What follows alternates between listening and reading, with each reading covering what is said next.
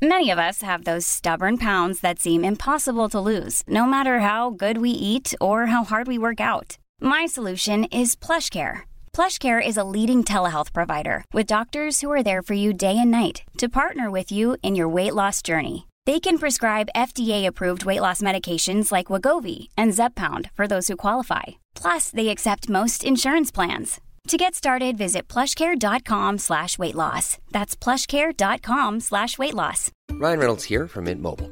With the price of just about everything going up during inflation, we thought we'd bring our prices down. So to help us, we brought in a reverse auctioneer, which is apparently a thing. Mint Mobile unlimited premium wireless. Have to get 30, 30, bit to get 30, bit to get 20, 20, 20, bit to get 20, 20, bit to get 15, 15, 15, 15 just 15 bucks a month. So, Give it a try at mintmobile.com slash switch. $45 upfront for three months plus taxes and fees. Promo rate for new customers for limited time. Unlimited more than 40 gigabytes per month. Slows. Full terms at mintmobile.com.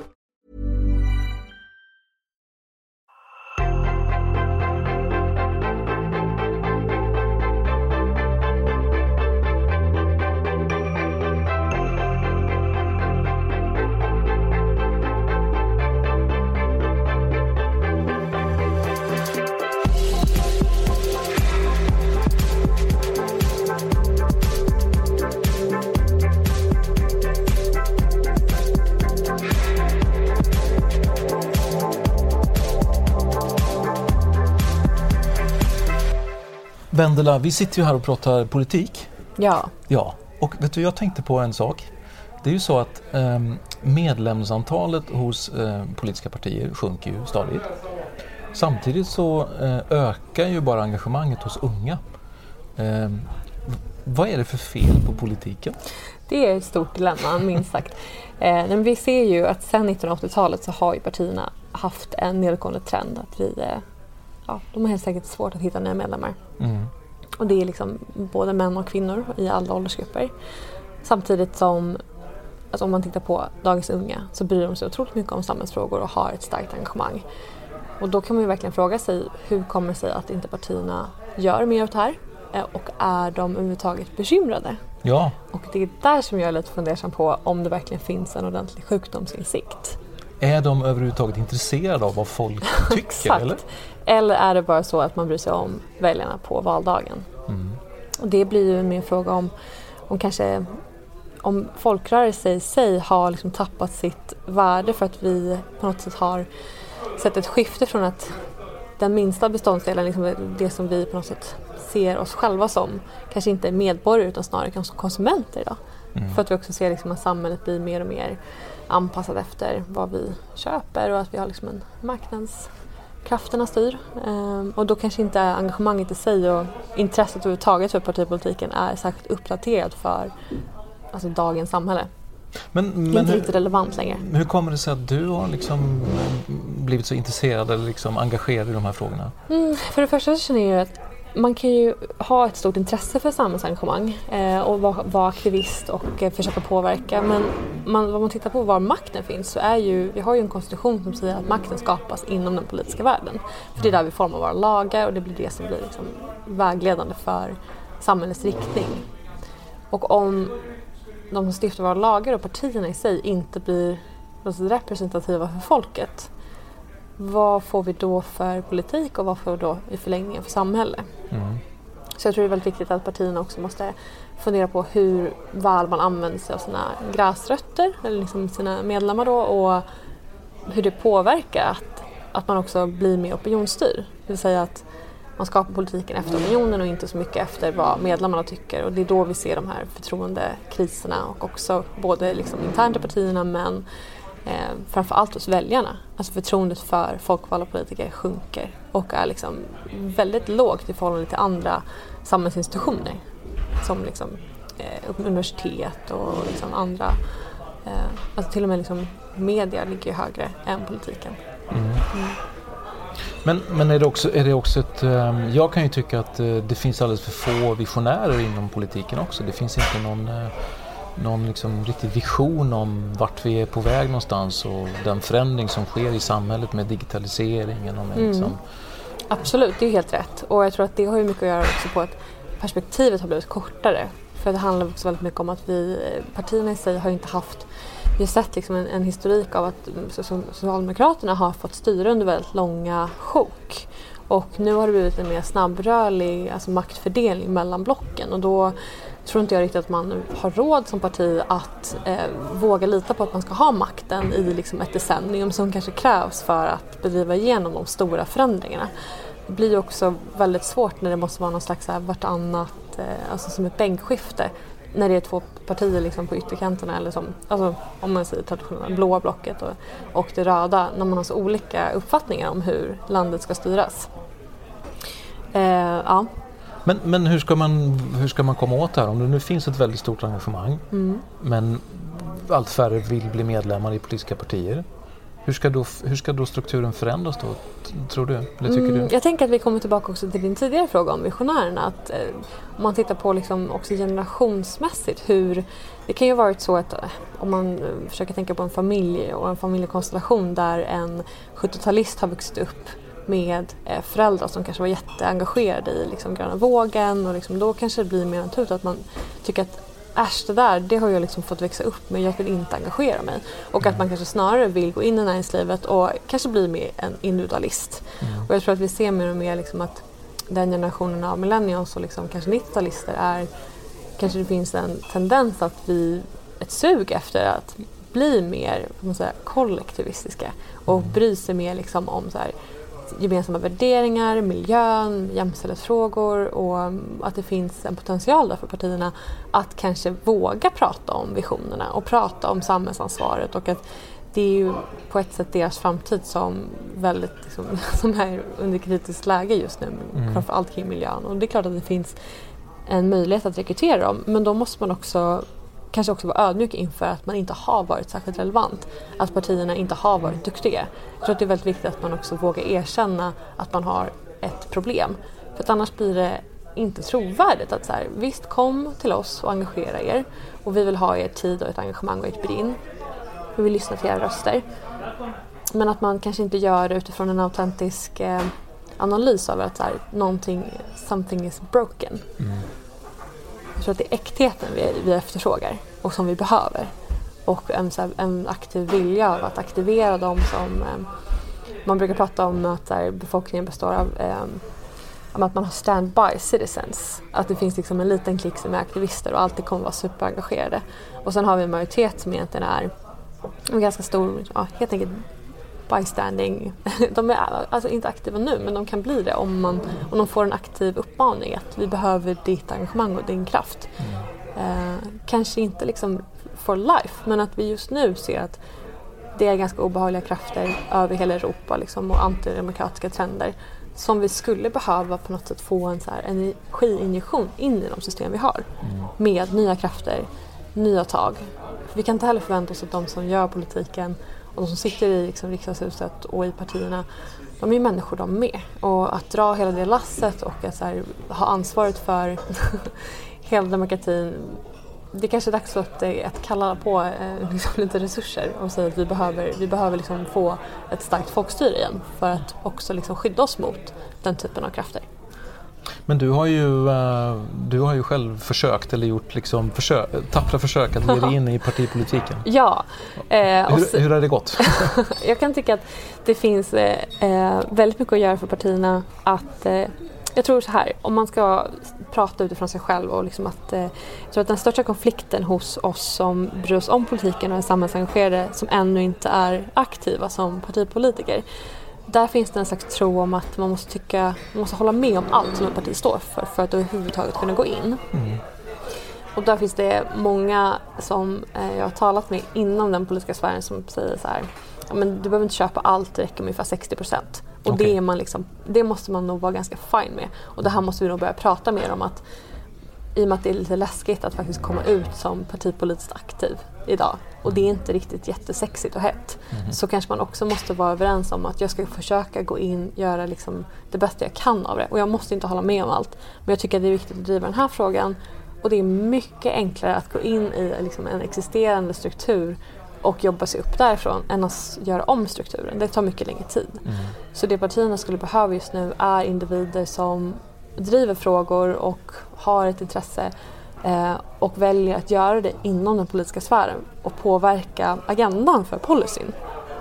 Men det känns ju också som att den här mer traditionella synen på ideologi eller att man på något sätt, som du är inne på, att man måste köpa ett helt paket mm. och stå bakom det inte känns lika relevant och modernt längre. Att det, känns, det känns mer som att man engagerar sig, för, engagerar sig i specifika sakfrågor. Mm, absolut. Och där kan man fråga sig om alltså, ideologierna i sig är ju väldigt gamla. Många är ju väldigt gamla och, och så finns en kritik mot till exempel Miljöpartiet för att de är, de är bara ett sakfråga för parti mm. eller Feministiskt initiativ. Vad, vad har de att göra? Vad ska de tycka till om, om liksom utrikesfrågor och så vidare. Eh, men på ett sätt kan man ju säga att alltså, feminismen är ju en ideologi och eh, jag tror det finns ett stort, stort utrymme också för att hitta nya ideologier och våga göra det och på något sätt skapa ideologierna för nästa århundrade eller kanske det, det vi fortfarande lever i. Eh, och eh, sakfrågorna i sig är ju lätta att kanske attrahera människor för. Men för att liksom på något sätt också så bygga det här identitetsstärkande arbetet, att du känner att liksom, jag är med i det här partiet för det är en del av mig. Då måste man göra en rejäl läxa och varumärkesbearbetning på liksom hela relevansen av ideologin. Mm. Alltså vad betyder liksom den socialdemokratiska ideologin år 2020? Eh, hur ser liksom klassamhället ut? Man måste helt enkelt göra det mer relevant och att det också blir mer lättförståeligt. Eh, och alla har inte läst statsvetenskap eller politisk teori och där tror jag det finns en stor uppgift också för media att förmedla kunskap om ideologierna och lära oss på något sätt så här, strukturen från början och inte bara prata om, om sakpolitiken. För det blir svårt att förstå sakpolitiken om man inte förstår grunden i ett parti. Mm. Eh, och om vi bara ligger och pratar om jobbskatteavdrag och olika, olika politiska reformer utan att veta vad det partiet egentligen vill, då tror jag också det blir ännu svårare att sätta sig in i politiken. Men tror du att, eller tycker du att det finns en eh, Finns det en eh, sjukdomsinsikt eller vad man ska kalla det för hos de politiska partierna idag om att den här strukturen som finns kanske inte riktigt fungerar? Jag tror att det är väldigt många partier som inte tycker att det finns ett problem för att man ser ju att man har ett gräsrotsinitiativ eller ett engagemang i sina ungdomsförbund. Och man är ofta väldigt stolt över sitt ungdomsförbund. Det förstår jag ju, det är ju naturligt att man, det är ju liksom ens protegéer och liksom nya generationen. Ehm, men man får också fundera på vilka individer som hittar in i ungdomsförbunden och om det är representativt för hur Sverige ser ut idag. Mm. Om det är så att du kanske har ett arv i familjen som gör att du traditionellt sett också hittar in i ungdomsförbunden. Jag, det är klart att det fanns en möjlighet för alla oss att gå in men det var ju anledningar som jag kände redan där och då som typ 16-17-åring att inte gjorde det. Mm.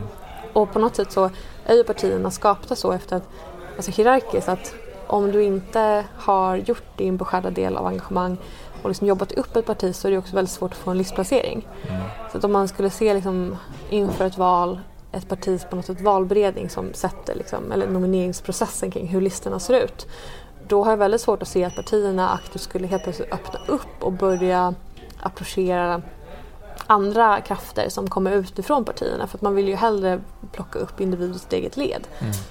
Och då måste du se till att det är en föryngringsprocess, att den, att den poolen du letar i är representativ. Och det tycker jag inte att den är för då skulle vi sätta en helt annan, ett helt annat förtroende för eh, politiken generellt för då skulle det bli mer som att kontakten med liksom, folket, makten eh, skulle bli mer trovärdig för att man skulle hitta individer som hade starka nät och starka liksom, nätverk och kraft. Alltså, att man redan att du på något sätt hittar individer som inte gjorde den resan, att du var 16 och gick med i MUF och sen så nu så blir du invald på listan. Men kan man se på, kan man se på politiken på samma sätt som man ser på olika branscher inom näringslivet. Alltså den här startup-kulten som man ju ändå måste säga råder mm. och där eh, entreprenörer ska komma in och disrupta olika typer av branscher, allt från bank, försäkringar och vad det nu är för någonting. Är det, är det entreprenörer som ska disrupta politiken? Mm. Jag tycker entreprenören absolut kan vara med och fundera lite mer på värdet av demokrati. Ja. Jag tror det finns både ett värde av att eh, entreprenörer i sig måste börja aktivt ta ansvar för demokratifrågor för att det ser vi ju, en, en stark demokrati och ett starkt näringsliv går ju liksom hand i hand. Eh, om vi inte har, alltså en fri marknad blir inte möjlig om politiken förbjuder det till exempel. Däremot finns det också liksom på, åt andra hållet en förmåga att inspireras mer av den världen, alltså av entreprenörsvärlden och startup-livet. Att man kan trycka på kring att digitalisering, tech, innovation är inte dåliga saker. Det är jättebra för ett samhälle. Alltså vi, det kräver ett samhälle, liksom ett friskt samhälle är under ständig förändring.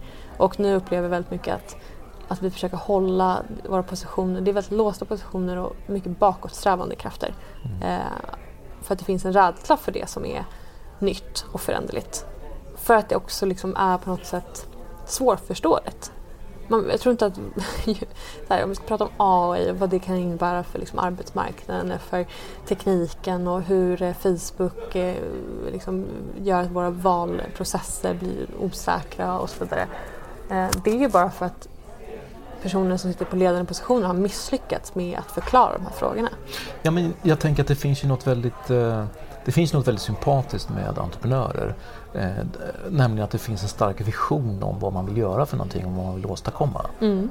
Och lite för att backa tillbaka till det som vi pratade om tidigare, att den visionen inte riktigt finns tycker jag inom politiken idag. Så Nej. det finns någonting liksom eh, smittsamt med det. Jag kan tycka att eh, det skulle behövas lite, lite ödmjukhet hos eh, de visionära entreprenörerna. Eh, för att det är mycket som också är eh, väldigt uppblåst. Det finns också behov av, alltså från det politiska hållet, att se på liksom vilka som är kultförklarade i ett samhälle och vilka som eh, har flest liksom, följare på sociala medier och vad, vad är liksom det hemliga receptet? Vad är anledningen att vi liksom följer de här människorna? Och där tror jag liksom att det finns på något sätt en... Vi tycker om att följa personer som är eh, sig själva, som är äkta och som också vågar stå för sina åsikter och eh, inte kompromissar utan liksom sätter de höga målsättningarna eller oavsett om det är liksom eh, framgångspodden eller vi tycker ju om eh, success stories, alltså att ha någon att inspireras av. Och där tror jag att politiken är alldeles för, eh, vågar inte vara särskilt visionär apropå det vi pratade om, liksom, att man kanske inte har råd att, eh, att slösa liksom, medialt utrymme på visioner som inte kan efterlevas för att man vet att man inte kan ha makten längre än fyra år. Men jag tror att man eh, som, om man tänker på personvals, eh, skillnaden mellan USA och Sverige, där, liksom att vi följer ju också individer och människor.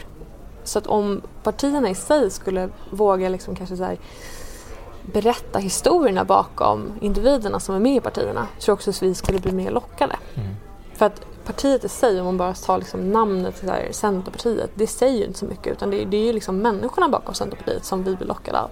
Så att om man ska in- inspireras något av liksom, entreprenörslivet så är det ju verkligen kanske personkulten och att eh, du har liksom en, en stark eh, karisma och liksom på något sätt dragkraft hos en individ.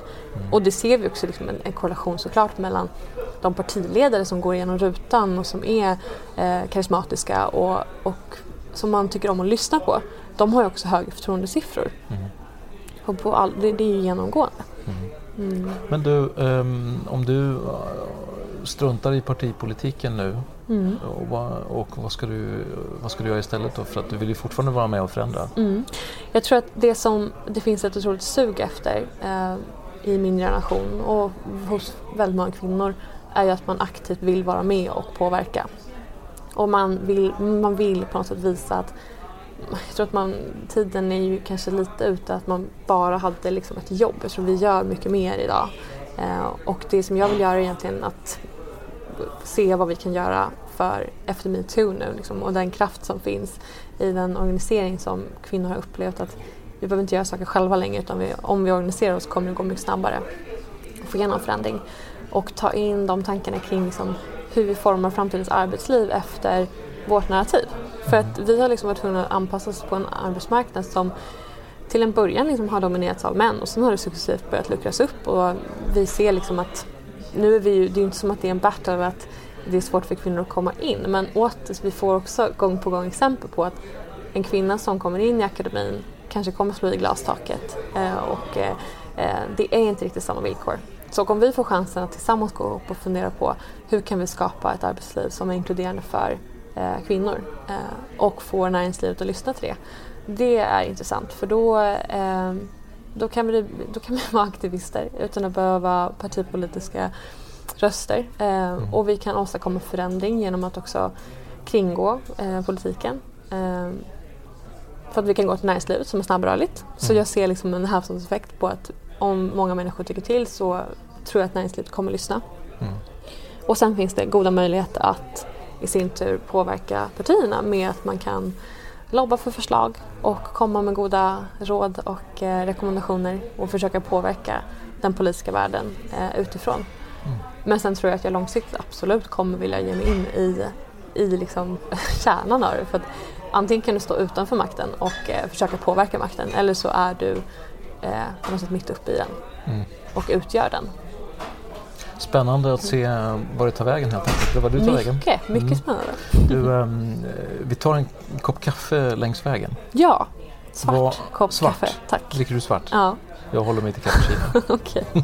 det är bra. ja.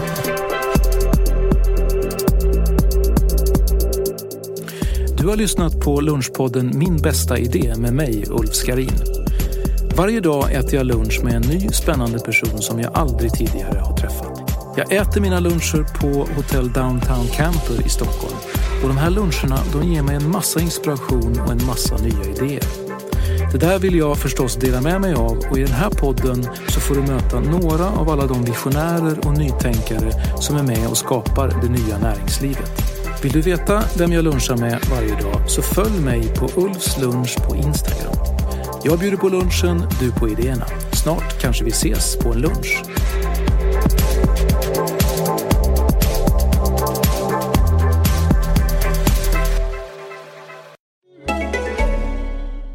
This is ACAST Recommends. Every week we pick one of our favorite shows, and this is one we think you're gonna love. Hey, lady, it's Terry here. And Dr. Dom, and we're the hosts of the Her Space podcast. In a world where Black women are often underrepresented and misunderstood, we need more safe spaces to just be. Every Friday, join us as we initiate authentic conversations for Black women. Be sure to tune into Season 4, Episode 11 The Four Levels of Friendship and How to Spot Fake Friends. And check out Her Space wherever you listen to podcasts. ACAST is home to the biggest podcasts from the U.S. and around the world. Subscribe to this show and hundreds more now via ACAST or wherever you get your podcasts. Want flexibility? Take yoga. Want flexibility with your health insurance? Check out United Healthcare Insurance Plans. Underwritten by Golden Rule Insurance Company, they offer flexible, budget friendly medical, dental, and vision coverage that may be right for you. More at uh1.com. Hey, it's Danny Pellegrino from Everything Iconic. Ready to upgrade your style game without blowing your budget? Check out Quince. They've got all the good stuff shirts and polos, activewear, and fine leather goods, all at 50 to 80% less than other high end brands. And the best part? They're all about safe, ethical, and responsible manufacturing. Get that luxury vibe without the luxury price tag. Hit up quince.com slash upgrade for free shipping and 365 day returns on your next order. That's quince.com slash upgrade.